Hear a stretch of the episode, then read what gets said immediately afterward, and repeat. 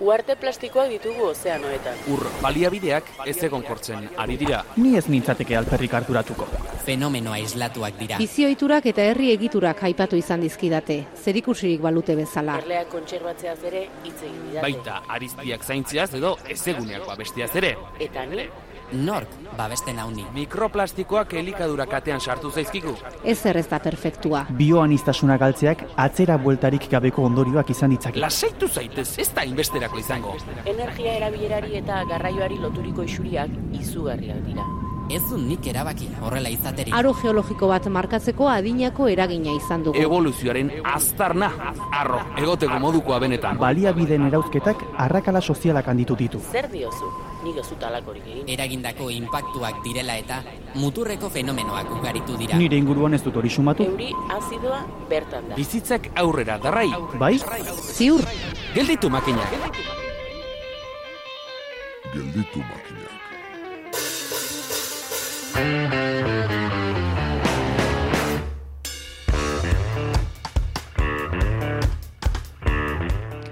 Aizue, ez dakit, eh? Komentatzeagatik bakarrik. Ez aldugu uda garaia infantilizatzen. Susma bakarrik da, eh? Udako irakurgaiak oroar harinagoak izaten dira, arreta dibertsifikatzeko aukera ematen duten horietakoak. Telebista eta irrati saioak zer esanik ez. Dena da fresh. Jakina, ezin astuko ditugu harina eta harinkeria, nola ba? Tira, litekena da opor garaiari eta eguraldiari egokitutako gorputzaldia izatea. Gelditu makinak saio ere saltu da uztailean, eta horregatik, edo hala ere, betiko dinamikari eutxiko diogu, arlo ekosozialetik badago zerrekarria eta. Lehenik eta behin, UEUko udako ikastaro bati helduko diogu pasaden ekainaren hogeita bederatzean, ekofeminismoaren gainean aritu baitziren gazteizko sumendi espazioan. Genealogiaren gaineko mai inguruan esanak geureratuko ditugu, ezin interesgarriagoa izan zen eta. Saioa izteko bestalde, BC3ko ikerlari den Maria Loroñorekin dugu itzordua. Berarekin landuko baitugu, irigunek aldaketa klimatikora egokitzeko duten ahalmena. Hori eixek gaurkoak karga-karga eginda dator, hause da, gelditu makinak saioaren, irugarren denboraldiko, hogeita emezortzigarren atala. Hartu leku entzule.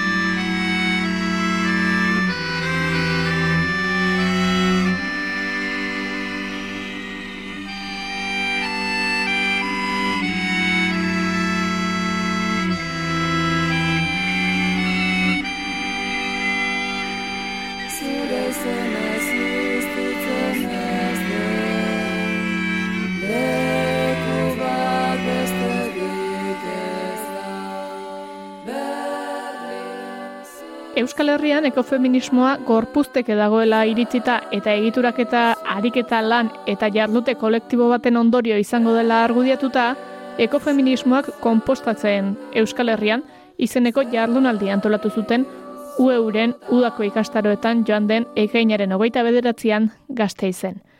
Euskal Herrian zaila egiten omentzaigu erreferente ekofeministak identifikatzea, kontzeptuak hildo gisa gurean duen ibilbide laburragatik ziurrenik.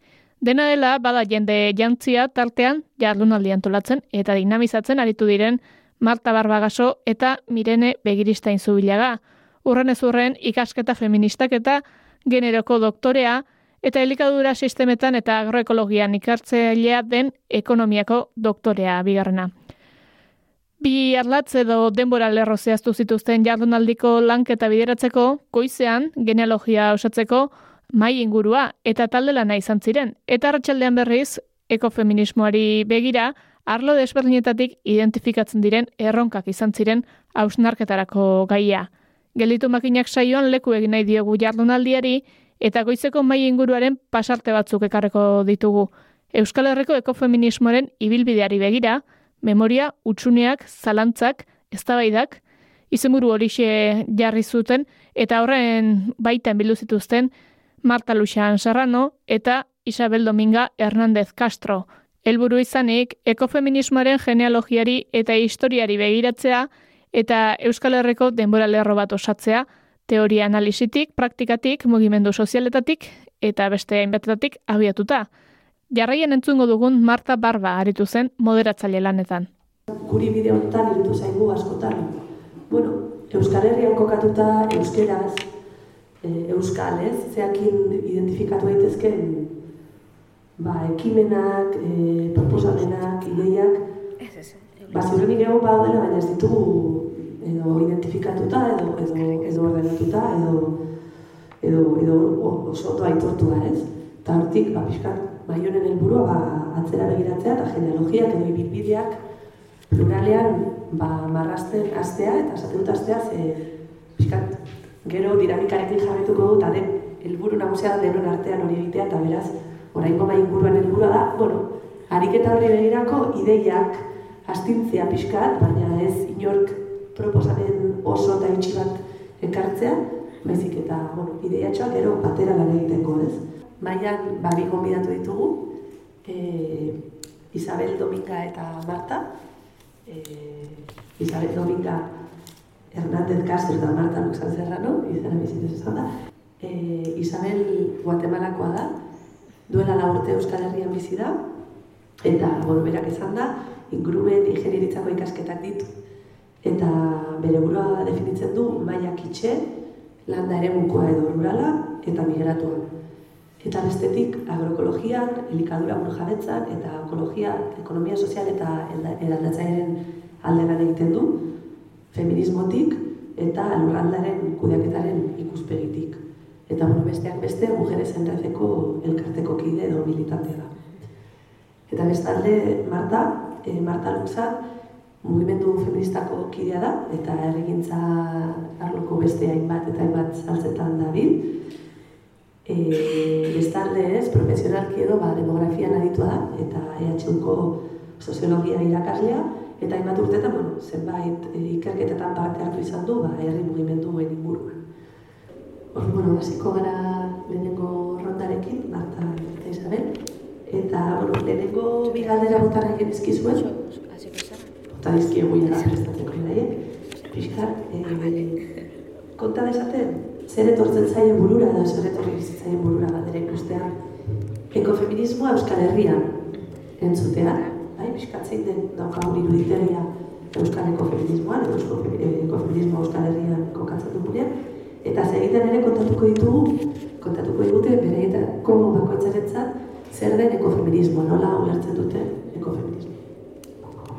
Eskerrik asko, eh, egun hon, pues, bueno, ya nire burua orkestu du, e, hasiko naiz. Bueno, e, barkatu nik e, euskeraz pixka bat hitz egiten dut, baina e, orain e, e, pues, e, ez noen atxo, ez noen prestatu e, nire itzulpena, orduan e, gaztelaniat hitz egingo dut, vale?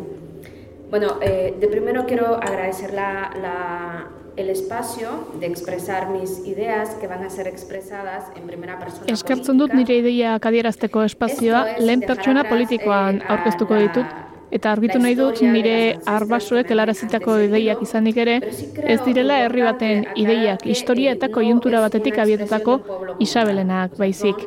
Aldez aurretik barkamena eskatzen dut nire hitzartzean inor mindua sentitzen bada.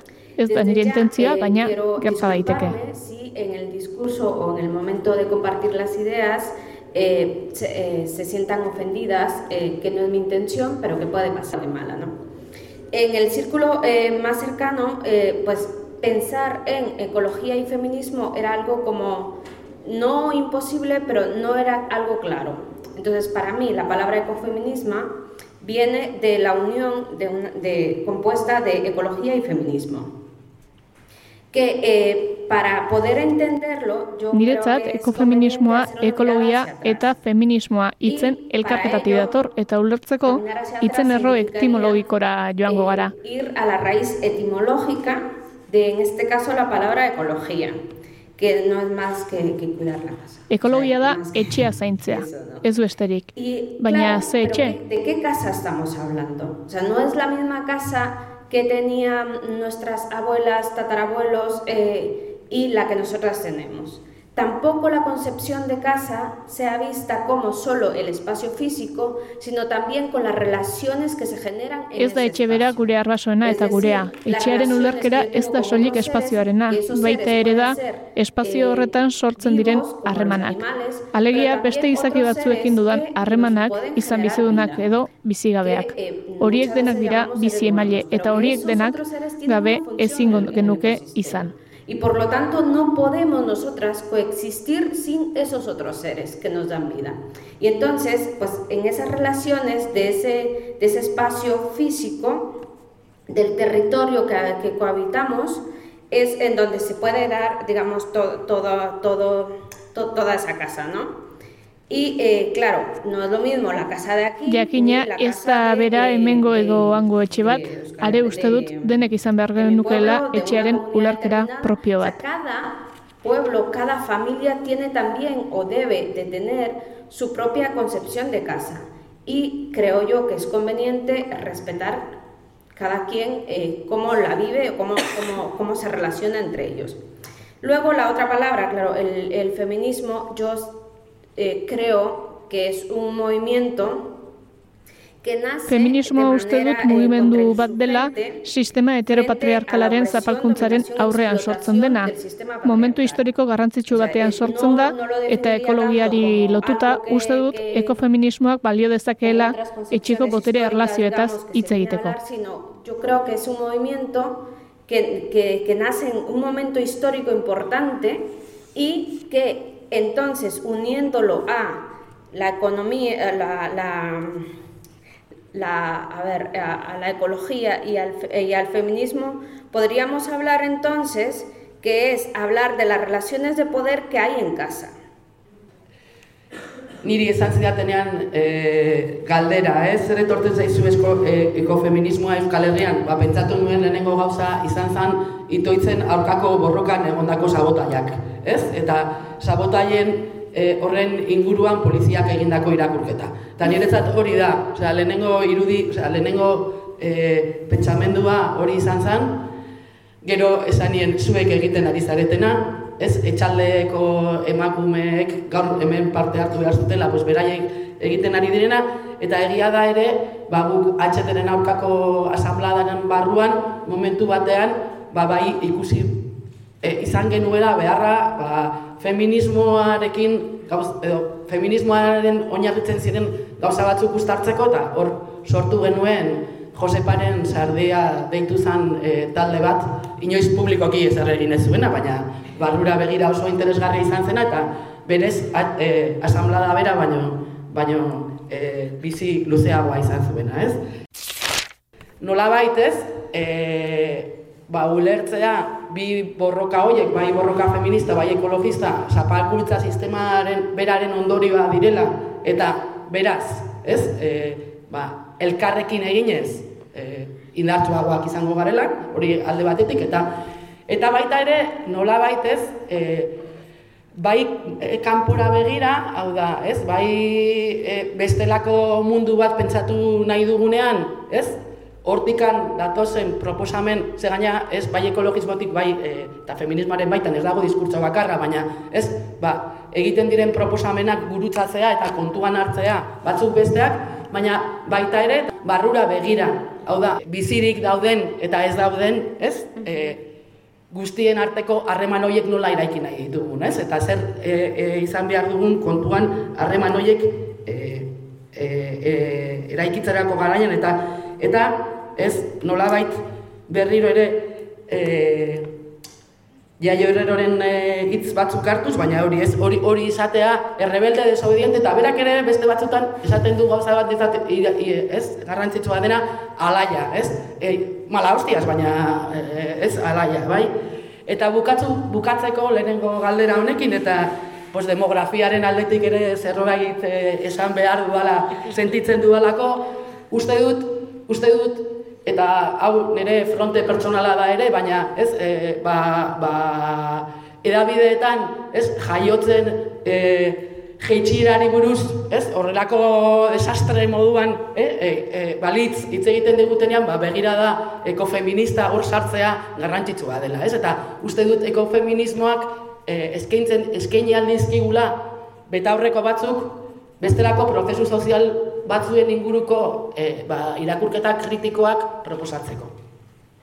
Yo creo, creo que, que hablar de ecofeminismo, a, a, mi, a mi entender, es también hablar de, el, de dos, eh, como de, de dos eh, brazos importantes del, del ecofeminismo. Uste dut ekofeminismoa hitz egitea dela ekofeminismoaren bi beso garrantzitsuez hitz egitea.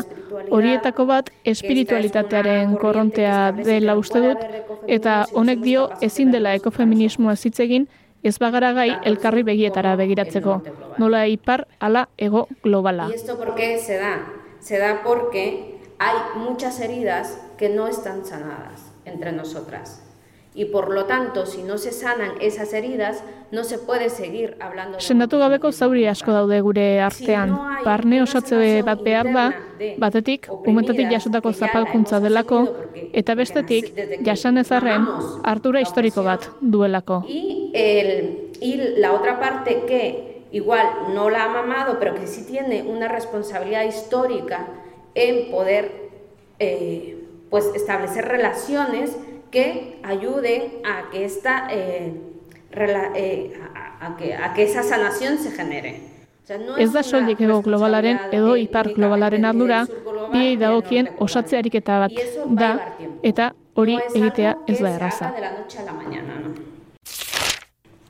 En este aspecto, a mí sí me parece importante rescatar que eh, cuando se habla de, de esta parte espiritual, Eh, igual aquí espiritualitateaz hitz egitean bestalde folklorizatu egin ohi da. Lo que se suele hacer es folclorizarlo. Pues entonces, eh, pues eh, nos parece interesante, lo copiamos, nos pagamos un curso porque, porque hay dinero para pagar. Interesgarria da, kopiatzen dugu, kurtso bat ordaintzen dugu, ze badago, ordaintzeko dirua, eta horretaz apropiatzen gara. Ari gara berrez ere, ez dago gigun rol baten jabe egiten. Bueno, la otra corriente de pensamiento que, que creo yo que tiene que ver el ecofeminismo la parte política. Y aquí sí que me parece importante mencionar Beste korrontea da alderdi politikoa. Lan asko egiten da politikoki eta uste dut ez dela nahikoa ikusterazten sortzen diren barne mailako botere harremanak. Que, eh, que no se visualiza, o yo desde luego no logro visualizarlas tanto, esas relaciones de poder que se, que se generan a nivel interno, perdón, de las propuestas de ecologis, eh, ecologistas y ecofeministas. Y entonces ahí a mí me parece importante eh, cómo se maneja acá y cómo se naturaliza de manera eh, automática. Pentsamendua azaltzeko modua zuzena da eta hori naturalizatu egiten da. Hala ere, migranteen eziketa desberdina da eta horrek eragiten du hain eroso ez sentitzea. Y esto hace que no se sientan integradas incluso al momento de hablar y que lo sientan un poco grosero al inicio. No digo que sea malo, sino es una forma cultural de aquí y creo eh, y que es conveniente como Auzi kulturala da hori.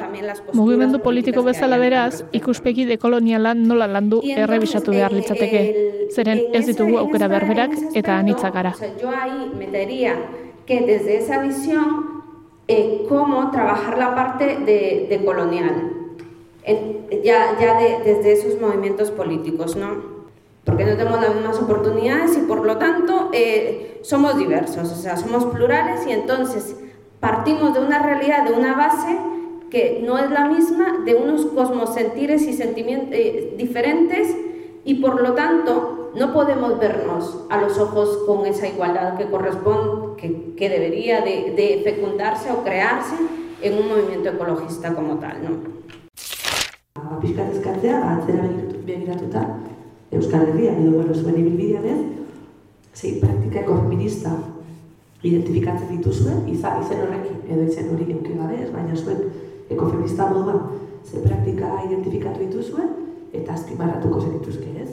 Ba, niri iruditzen zait adibidez, ez, e, a, adibidez, ez, itoizen e, eraikuntzan zeuden e, makinen kontra egindako sabotai horietan badagoela, ez, badagoela intentzio bat dela, ez, e, e, bueno, ez, guk egite ditugu, emakume batzuk egite ditugu, edo emakumeak irakurriak e, garen batzuk egite ditugu, jakinda, e, inondik ezaiela burutik pasatuko ez emakumeek e, e, egin zezaketela horrelako zerbait. Eta uste dut hor badagoela ustarketa moduko bat, ez dela guazen, guazen ez dakit, e, ez generoa sistemaren zera erabiltzea gure alde sabotaiak egiteko. Eta guazen ere, ez nolabait, ez aldarrikatzera ere sabotaiak egitea ez dela bakarrik gizonezkoek egiten duten zerbait, ez?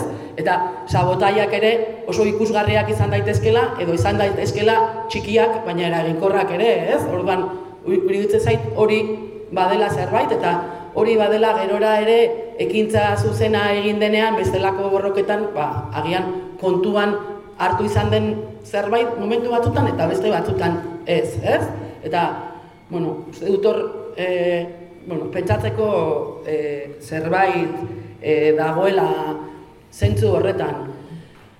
Gerora, bo, ba, guk, eta bueno, horretazuk ere hitz egin alduzu ez, ba, e, HTren e, aurkako mugimenduan egon ginenean, eta kanpadak egiten zirenean, eta ez, beti esaten genuen, ba, kanpada horiek izan guretzat zirela, ez, ba, ez dakit, e, nola bizi nahi genuen, ba, hori irudikatzeko ez, e, espazio bat, gune eta une bat, ez, eta hor ze gertatzen zitzaigun, ba, gauza batzuk ez zirela guk nahi genituen modukoak, eta ez, eta eta ba, potere harreman asko zeudela, eta inkluso antolakuntzari nola begiratzen genien, eta bueno, hor proposamen batzuk egin genituen praktikoak, ez? Bazela, ba, guazen honetaz hitz egitera, eta, bueno, pues, hori iruditzen zaitere, izan daitekela, ez, e, praktika konkreto bat, ez? Nolabait, e, borroka antidesarroistan, ba, begirada feminista txertatzea, antolatzeko garaian, eta, e, bai, bai, ez? E, praktikan, ez? E, akampada horietan, eta baita ere, eta baita ere, pues, bestelako gure bileretan, eta... Eta, eta, e, ze praktika, sasatuz praktika batzuk txertatzea zeintzuk ziren? Ah, ba, adibidez, ez? Ba, ba, hitzartzeak nolakoak izan behar ziren, ez? Gogoratzen dut, e, lagun batek proposatu, zu, proposatu zigularik eta bat oso ona dena segurazki praktikatu duzu, ez? Baina, da, e, pentsatzea jendea noiz doan, ez? E, pixe egitera. Edo gerora, ja, gaztetxetan esan zutenean ezin zela errez, erretzen zen, ez, ez nik ez, baina e, ez dudalako inoiz erre, baina ba, noiz dijoa jendeak kanpora zigarro bat erretzera. Zein hitz egiten ari denean. Eta hor konturatzen gara, ez? Eta, bueno, gero, bai, ba, e, keska zein ematen zaio hitza, zein entzuten zaion, ez? E, eta hor, esango nuke badagola genero ikuskera bat, baina ez bakarrik, ez? Bestelako harreman, bueno, ba, potere harremanak e, agerian usteko eta eta hoiek leguntzeko e, e, moduak esango nuke nik. Bueno, ba, praktiketatik zaila da bere iztea, eh? bai. Eta, bueno, uste jarratuko bai, dugula, atera diren elementu batzukin. baina, bueno, praktikatik mugimendutara edo e, salto egin nahi genuen, eta pixkatez galderak edo, bueno, eh, botatzen dituguna, eta gero zuen, edo zuen tokiera jurez, baina pixkat herri mugimenduen baitan, e, Euskal Herrian, ekofeminismoa non egon da, ez? E, non eman zaio tokia. Ni egingo dut salto bat eta jungo naiz momentu bat Euskal Herritik kanpora, ez? Ni Katalunian bizi izan naiz, bueno, bizi izan nintzen, i- iraganean, ja, ez, aurreko mendean, sortzi urtez, eta eta egia da, ba, et, demografiarekin lotuta dagoelako ekarriko dut, eta iruditzen zaidalako gerora hemen momentu batean ez, e, egon den eztabaida dela, eta uste dute, bai, bai, hor, orain, ba, ba, bueno, Ba, hori, larogei gar, larogeita margarren amarkadan e, Barcelonako txino auzoan bazegoen talde bat lan, lan egiten zuena e, ugalketa teknologi, teknologia berrien inguruan, ez? ikuspegi kritiko batetatik. Eta uste dut hor bazegoela zerbait e, ez, e, ez egoena ekofeminismo moduan izendatuta, baina ez egiten badugu gaurtik irakurketa horrela bentzandik hor kokatuko nuke, ez? Nolabait talde horretan zeuden lagun hoiek eta bueno, ni bilera, bueno, e, bai, berdi dio ni nengoen edo ez, ez? E, talde horretan zeuden lagun hoiek egiten zutelako, ez? Uga, e, teknologia berri hauen inguruan E, nola gaitez, lehen Isabelek esaten zuen ez, emakumeen gorputza dela, ez, disputan dagoen lehenengo, ba, horren irakurketa hortikan egiten zuten eta baita ere, ez, e, bestelako elementuei ere hitz egiten zuten eta nol, nolatan ez, ba, ez, e, e, ipar globala eta, eta ego, ego globalaren arteko harremanei buruz, ez? E, nola baitu galketa teknologi berri guzti horiek probatu direlako, probatu diren korputzetan, eta e, oso, e, orduan iruditzen zait hori badela zerbait, gerora hemen momentu batzutan uste dut feminismoaren barruan, bueno, pues egon den eztabaida badela, ez? Eta ez dakit. Eh, hor erreferentzi bat egin nahi nioke horri iruditzen zaidalako dela gai bat ere, ez? E, egun oso mai gainean dagoena eta bueno, agian begirada ekofeministatik berreldu beharko geniokela. Adibez, Durangoko, ez, e, jardunaldi feministetan ba, nolabait, ez, agroekologia eta anti, antiespezismoaren artean, ez, egon zen elkarrizketa hori, ba, uste dut, badela ere, ez, e, bueno, nik behintzat, e, zera hori jarri nahi nioke, ez, bueno, edo, edo hor kokat, kokatuko nuke, ez, eta uste dut, antiespezismoaren eremuan ere, bueno, ba, ba, sortzen ari direla horrelako diskurtsoak eta interesgarriak direla, ez, eta e, uste dute erne egon behar dugula, ez, e, begiratu behar diegula. Uste dut horiek momentuz, Bakarrik. e, bai. Baina nik bakarrik, eh, pues, hemen Euskal Herrian, eh, nik ondo ikusten dut e, e, ekotopaketak e, egitea, antolatzean eta zerbait e, hori egitea.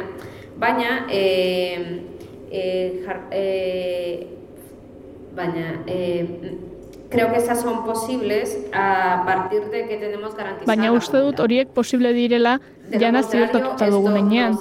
Garrantzitsua da esatea zeren zer jana ziurtatuta ez dagoen komunitateetan oso zaila da halako espaziotara hurbiltzea edo pentsatzeko tartea hartzea. no se tiene comida, pues este tipo de espacios o pensar en ponerte a pensar, tienes que estar con el estómago lleno. O sea, ha pasado mucho tiempo para que eso se dé, para que volvamos como a, a renacer y, y a ver qué otras opciones organizativas hay.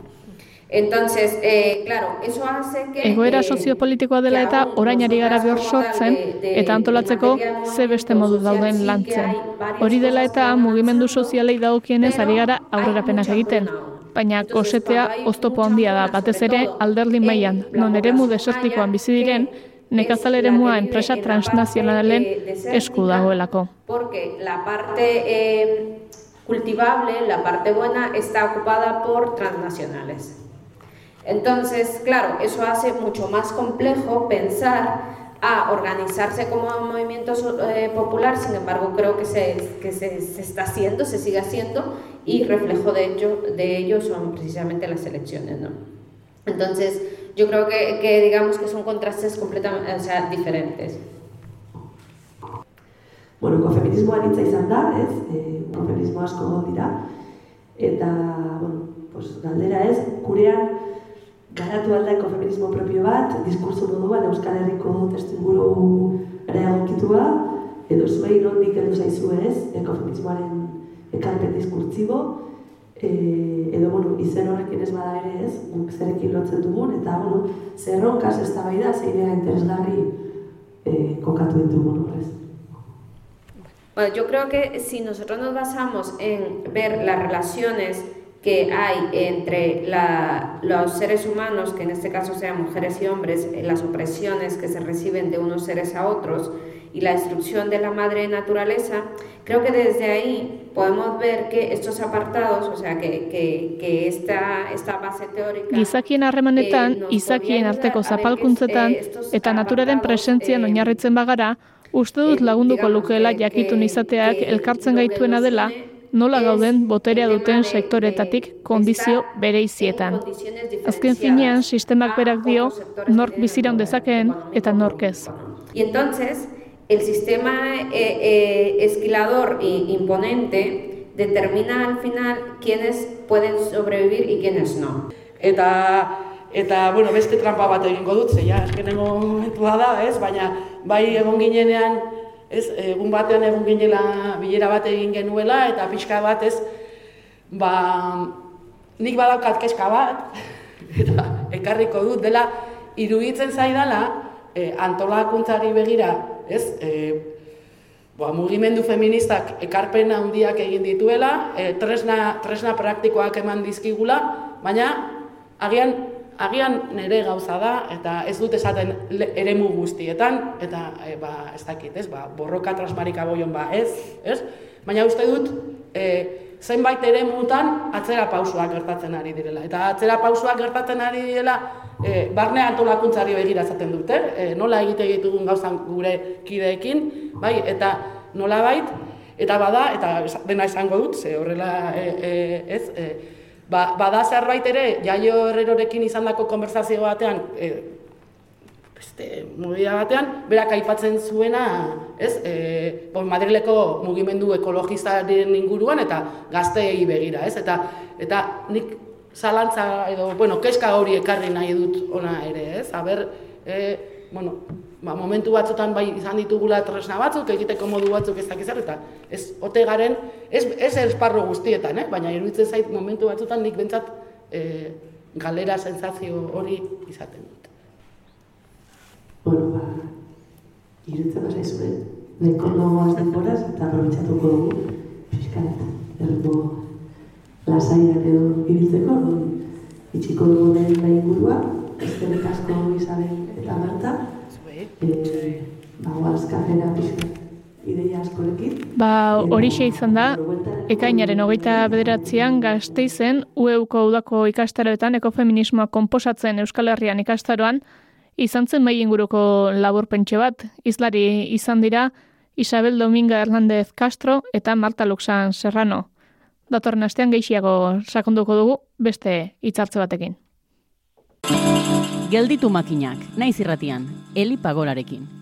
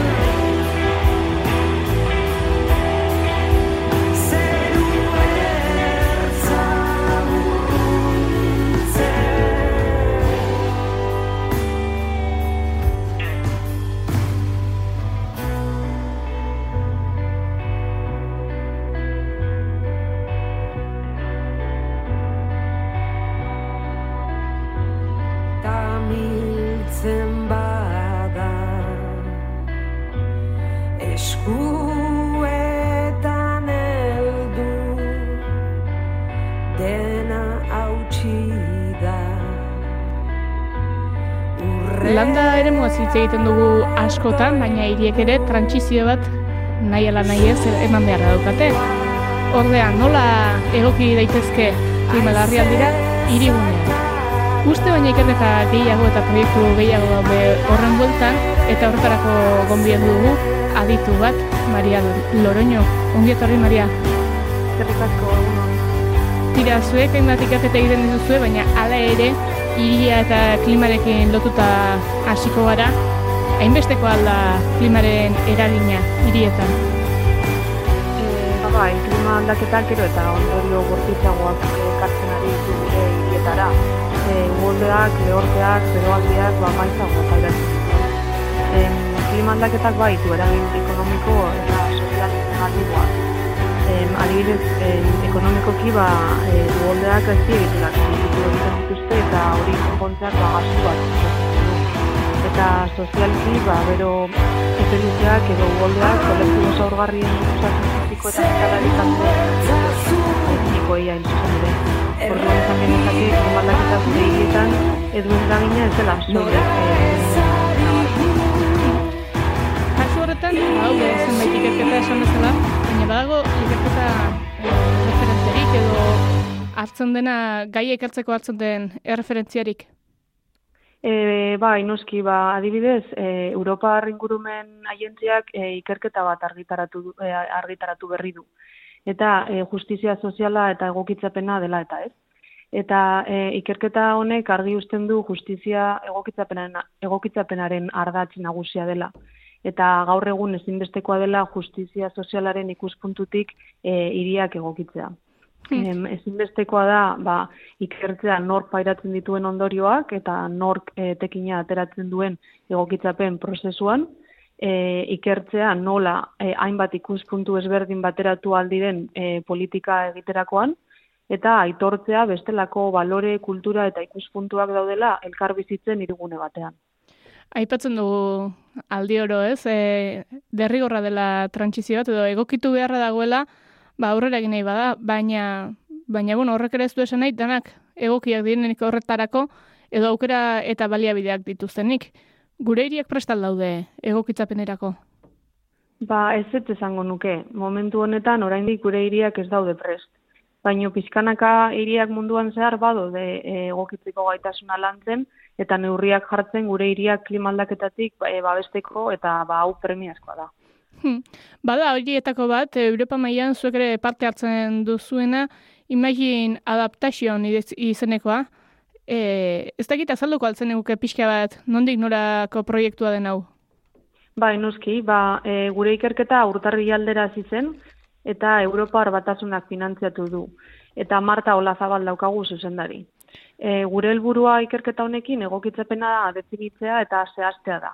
Hainbat politika eta neurri dauden arren, egokitzapen arrakastatua zer den ba zehaztu gabe dago. Beraz, e, zaila da hirientzako jakitea beraien esfortzuen helburua zein den eta zer neurri implementatu helburu horretara ailegatzeko.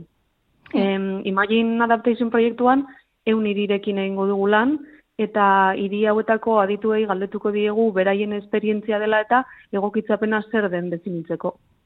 Eta alde horretatik, zein da, ze modu ditu ba, ikerketak e, adituekin erabateko harremana duzuen, nola dijoa kontua? E, ba bai, hori ari gara orain e, lantzen. E, Imagine Adaptation proiektuan e, teknika berritzaileak e, lantzen ditugu. Proiektua e, Imagine Adaptation dauka izena, hain justu, ba, adituekin eta biztanleriarekin etorkizuna imaginatzea dugulako helburu. Horretarako, hilabete hauetan ikerkuntza egin dugu egokitzapenak dituen ikuspuntu guztiak batzeko. Eta orain, e, ilustradore batekin gaudelanean, eta berak ikuspuntu hauek marrastuko ditu. E, lehen esan dut, e, eun irirekin egingo dugula lan, eta ilustrazio hauek erabiliko ditugu e, beraiek egokitzapena nola ulertzen edo imaginatzen duten zehazteko. Em, gure metodologia e, Q method dauka izena, eta metodologia berritzaile honek aukera ematen du ba, ilustrazioak zailkatzeko hiru multzotan. E, nire ikuspuntuarekin bat egiten dutenak, nire ikuspuntuaren kontra egiten dutenak eta indiferenteak direnak. Eta orduan zailkapen guzti hauek orokorrean aztertzen dira eta horrek egokitzapena zer den definitzen dituen ikuspuntu ezberdinak emango dizkigu. Hmm. Ikuspuntu desberdinak bai, baina gero e, neurri horien eta ikuspuntu horien artean sortzen da zailtasunik ba, lehen, lehentasunak bereizteko orduan edo egokitzapenak nola egin daitezkeen eta hor oinarri horretatik gero ze bide egiten du. E, ba hori da, helburua da definitzea e, egokitzapena e, zer den eta helburua zehaztea. Orduan hor e, ulertuko dugu, ba, adibidez, e, prozesua nola ikusten duten e, adituek, baina baita e, ba, ondorioak, ez? Zer egin behar dugu e, espezifikoki. Kasu horretan, zuk aipatuko didazu, eh? baina, baina eraikinak eta uste dute jarri izan direla jo puntuan, hain zuzen ere badagolako, ez? Ba, ba egungo lehen erekitako elementuak ez daudelako gaur, gaur egungo baldintzetan pentsetuta, ordukoetan baizik, beraz, erekinekin gertatzen dena, gau e, lehenako egindakoak ez daudela hain prestatuta, ba, e, esaterako eraginkortasun energetikoari begira. Eta kasu horretan, eraikin berriek, errixago dutelako txertatzea alako neurriak. Horz balantzan, zahar berritzea, erekinen zahar berritzea, eta berrietan zeri, zeri errepatratzen zaio, pentsatzen dut ez dela bat, eta bat edo bestea, baizik eta zahar berritzeetan zeri ematen zaio garrantzia, edo berriak egiteari e, ekitean zeri erreparatzen zaio? Bai, e, bueno, ba, eraikin berrietan pentsatu behar dugu, ba, zein material erabilez. Adibidez, e, azpiegitura berdea izatea oso garrantzitsua da. Vegetazioa izateak temperatura kontrolatzen laguntzen du eta gainera e, euria absorbitu egiten du eta uholdeak e, kontrolatzea laguntzen du. E, azkenean zementuzko estrukturek hirietan temperatura igotzen dute. Beraz, oso konpaktua den hirigune bat, ba, temperatura altuagoak izango e, izan ditzake. Eta eraikitzerakoan, ba, beste material batzuk egurra adibidez hobeagoak dira beroa ez harrapatzeko. Baina erabiltzen ditugun materialak jasangarreak izan behar dira noski. Em, Gainera, eraikinak e, ondo isolatuta egon behar dira eta orientazio egokia izan. Horrela barruko temperaturak e, naturalki regulatu egiten da, barruko temperatura barkatu. Eta ez dugu energia erabili behar e, berotzeko edo osteko. Em, beste aukera bada eraikinak elebatzea, ez? Lurrean izan beharrean, basutabekin elebatuta izatea. Horrela uholdeak daudenean, e, urak ez du eragiten. Eta uholdeak ez daudenean, ba, espazio hori auzokideek erabiltzea aukate. Em, eraikinak e, zehar, e, zehar berritzerakoan, ba, ezin dia materialak aldatu, claro. Baina badago aukera lorategia jartzeko kanpoko egituran edo teiatuan. Em, e, Nueva Yorken eraikin batzuetan erabaki zuten teiatuak e, zuriz margostea, temperatura jaisten laguntzeko, Greziako kostaldeko herritzekiak e, imitatzen. Eta leioak ere aldatzea dago eta kristal irukoitza jartzea, eta orokorrean ba, isolamendua hobetzea e, posiblea da. Hmm. Horra ipatu dituzu uholdeak eta e, ze egokitzapena zer da besteak beste fenomeno natural bortitzagoetara egokitzeko pausoa? E, bai, hori badakigu ba uholdeak eta e, beroaldiak hor daudela eta adibidez Euskal Herrian ba arazo bat direla. Orduan egokitzapena da nola e, moldatu behar ditugu gure eriak, eiriak ba horrekin e, bizitzeko. Hmm. Maria, aipatu den ari gara, era bat, e, Imagine Adaptation proiektuaren barruan, eta bertan adituek egiten duzuen lana, egindako metodologiak, e, zen neurri proposatu daitezken, baina gero keltatzen dena askotan da adituek lan bat egiten dutena, eta lan hori gero erretarren gana zabaldu behar dela. Hori zuen gain hartzen duzu edo nola, nola egiten duzue lan sozial hori? E, bai, bueno, nire ustez gero eta e, nabariagoak dira adituek e, egiten dituzten esportzuak ba, jakintza hori zabaltzeko, ez? Gero eta jarduera gehiago daude, ba, zintzia eta jakintza zabaltzeko. E, badaude irrati zaioak, divulgazio itzaldi, e, itzaldiak, e, publikazio espezifikoak, herritarrentzat.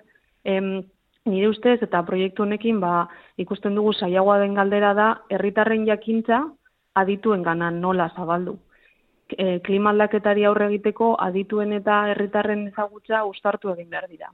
Herritarrok paukagu ezagutza eta perspektiba lokalak. e, esperientzian oinarritzen dienak. Eta oso garrantzitsua da hau politiketan implikatzea, e, ezagutza koproduzitzea. Eta honetarako politika egiteko modu aldatu behar da, politika behetikora e, egin behar da. Hmm. Beraz, uste duzu aurrera pauso leitzatekela, alegia, adituetatik e, erritarren ganako fluxua bai, baina herritarretatik adituetarako komunikazioa ere hobetu beharra dagoela. Bai, hori da. Euskal Herrera egingo dugu orain salto, ze Imagine Adaptation okerrezpanago Europa mailan egiten den proiektua da, ala? Bai. Eta hor, Euskal Herrian zehazterik bazenuke zein den egoera egokitzapenari dagokionez, zea ze puntutan gauden? E, bai, ba, uholdeak eta beroaldiak dira Euskal Herriak pairatzen dituen e, klima aldaketaren ondorioak. Momentu honetan, ba, Euskal Herria ez dago pez klima aldaketari aurre egiteko, baino badaude ekimen importanteak e, e, garatzen ari dituzten tokiak. E, gazteiz adibidez, e, gune berdeak sustatzen ditu, e, eta ekosistemen e, dibertsitatea bultzatu. Alde batetik, e, erastun berdea dauka, eta bestetik, e, salburua parkea. Salburuan e, ez egunea berreskuratu dute, eta gazteizko iriguneko ugoldeen aurkako defentzarako balio du em, azkenen gune berdeek ere temperaturak e, kontrolatzen dituzte eta beroaldien aurkako defentsa dira ere. Orduan hori gazteizeko adibide hori ba oso e, ona da. Hmm. Ba, dituzu egokitzapenerako beste zenbait gako, aipatu dituzu gune berdeak eh, areagotzea, ez eguneak, e, ikusi dugu baita ere, eta aurreko batean gure saioan izan zelako askoa ibisatek aipatu zigun, uolde lautadak ere behar beharrezkoak direla, badaude egokitzapenerako zenbait gako zehaztu daitezkenak? E, bai, guazkenean ezaten dugu e, ondorioak importanteak direla, e, baino prozesua oso importantea dela ere, nola egiten den egokitzapena. Orduan, e, esango nuke anistasunean dago lagoak, e, gakoa. Alde batetik, ulertu behar dugu, e, iribakoitzak ezaugarri espezifikoak dauzkala, eta leku batean ondo dagoena beste batean utz egin ditzakela. Beraz, egokitzapena leku bakoitzean aztertu beharra dago. Horri gaitu behar zaio, leku bakoitzean ere, klima aldaketaren e, eragin anitz daudela. Eta egokitzapena frente guztietan egin behar dela. Ugoldeen aurka, baino baita beroaldien aurka ere. Eta azkenik, esan bezala, gure biztanleria anitza da. Eta alik eta ikuspuntu eta esperientzia gehien kontuan e, hartu behar dira egokitzapena justua izateko. Hmm. Beti alako kontuetan, ez, ba, kasu honetan aldaketa bat edo trantsizio bat egin behar denean, Oikoa izaten da guk ere joera eskorra hartzea eta zein diren gure mugak eta noraino heldu gaitezkeen eta zenbat falta den eta halako kontuak aipatzea, baina egon ere bestaldekoak egongo dira, alegia gure inguruan ze, gure inguruak ze ezaugarri ditu eta ze balia bide ditugu egokitzapen hori eta aldaketa hori modu egokian egin izateko. Bai, e, badago Euskal Herrian lurralde plangintza sektoriala e, itxasmaiaren igoera eta uholdeak direla eta e, plan honek Euskal Herriko kostaldeko herri eta hirietan egokitzapena nola eman behar den e, ezartzea dauka helburu. E, gainera Euskal Herriak parte hartzen du nazioarteko e, zare profesionaletan. Eta topagune hauetan badaude baleabideak eta ezagutzak egokitzapen neurriak diseinatzeko eta martan jartzeko. Orduan e, Euskal Herria hori ondo ondo egiten ari du. Hmm. Lurralde plan sektorial horretan ze aldaketa egin daitezkela agertzen dira ba? Edo ze, zertarako bide eman dezake horrek? E, bueno, baztertzen du, hau dago e, uolderekin egiten du lan. Eta imaginatzen du ze gertatuko litzateke ba, e, e, egokitzapenik e, gertatuko ez balego. Orduan azaltzen du zein toki e, azet egongo, egongo lirateke eta zer e, daukagu egitea ba hori e, e, ekiditzeko. Hmm. Lehen, izketan nahi dizinela duela minutu gutxi, harrapatu dizut, eta egia da baita ere, ba, klimak klase sozialen arabera desberdin eragiten duela, ala, ala ikusi da behintzat, eta egokitzapenek arrakala soziala areagotu dezakete, edo egokitzapenek nola egin dezakete, arrakala hori ekiditeko edo gutxitzeko? E, bai, e, kolektibo zaurgarrietan arreta handiago jarri behar dugu. Adibidez, e, baliabide ekonomiko eskazeko osoetan e, azpiegitura berde gutxiago daude. Etxe bizitzak ere okerrago daude isolatuta. eta ez daude prez ba, temperatura oso basuak edo, edo beroaldiak jasan egiteko. Energia kontsumo handiagoa behar dute eta kolektibo hauen egoera ba, zaiago bihurtzen dute. Egokitzapenak e, arrakala e, soziala areagotu ditzake noski. Adibidez, parkeak eta e, azpiegitura berdeak ezin dira sortu soilik auzoa beratzetan. Baliabide ekonomiko eskazeko auzoetan ere garatu behar dira. E, klima aldaketak dau, e, dauzkan efektu okerragoak ba, konpentsatzeko. Eta parke eta espazio publiko berdeak ezin dute baliabide ekonomiko eskazeko pertsonak pastertu. Adibidez, ezin dira kontsumoan oinarrituta egon, doainik izan behar dira, eta beraien erabilera ezin da baldintzatuta egon dirua gastatzeko aukerarik ez badago. Adibidez, e, aktivitaterik balego, ba, hauek doainik izan behar dira, edo ura erateko iturri publikoak egon behar dira, eta bar. Mm. oso interesgarria da nire ustez gai hau e, gentrifikazio berdearena. Bai, beste kontu ere izan daiteke lehen aipatu lako etxeen zarbarritzea eta, bueno, e, ezaguna eginda kaleetan zenbat eta e, zuaitz gehiago egon horrek ere temperatura erregulatzen laguntzen duela, beraz, gero neurri partikularrak gutxiago, txikiagoak izan beharko lirakela, ala? Bai, hori da, hori da. Ba, Maria Loreño dena garbi-garbi azaldu diguzu, eta ikusiko dugu Imagine Adaptationek ze bide egiten duen. Ez dakit gehitzek hori geratu zaizun, edo bestelak hori kesan izen igukeen? Ez, igual esan niretzat apustua da, ba, e, iriak pertsonentzako diseinatzea eta ezkotzentzako. Zementuzko errepideak murriztea eta kaleak erabat aldatzea. Oinezkoentzako egitea, ba hori, zu esan duzuna, zuaitzak, lorategiak eta beste hainbat elementu berde jartzea. Kerizpe strukturak ere importanteak dira. Eta honek klima onurak ekarriko ditu noski, baino ko onurak ekarriko ditu ere. Komunitateak indartu egingo ditu eta biztanleri aktiboago eta osasuntzuago bat sustatu. Ba, seurenik alde batetik edo bestetik kotxearen erabilera murriztu beharko da, eta ea, bide ematen duen horrek edo horretan laguntzen duen behintzat kalen urbanizazioak. Eskerrik asko Marian Loroña, ipatuko dugu Basque Center for Climate Change BC iruko ikerlaria zarela, eta mila esker gurera etortzeagatik. Bai, eskerrik asko. Eli pagolarekin geldituko dituzu makinak naiz irratian.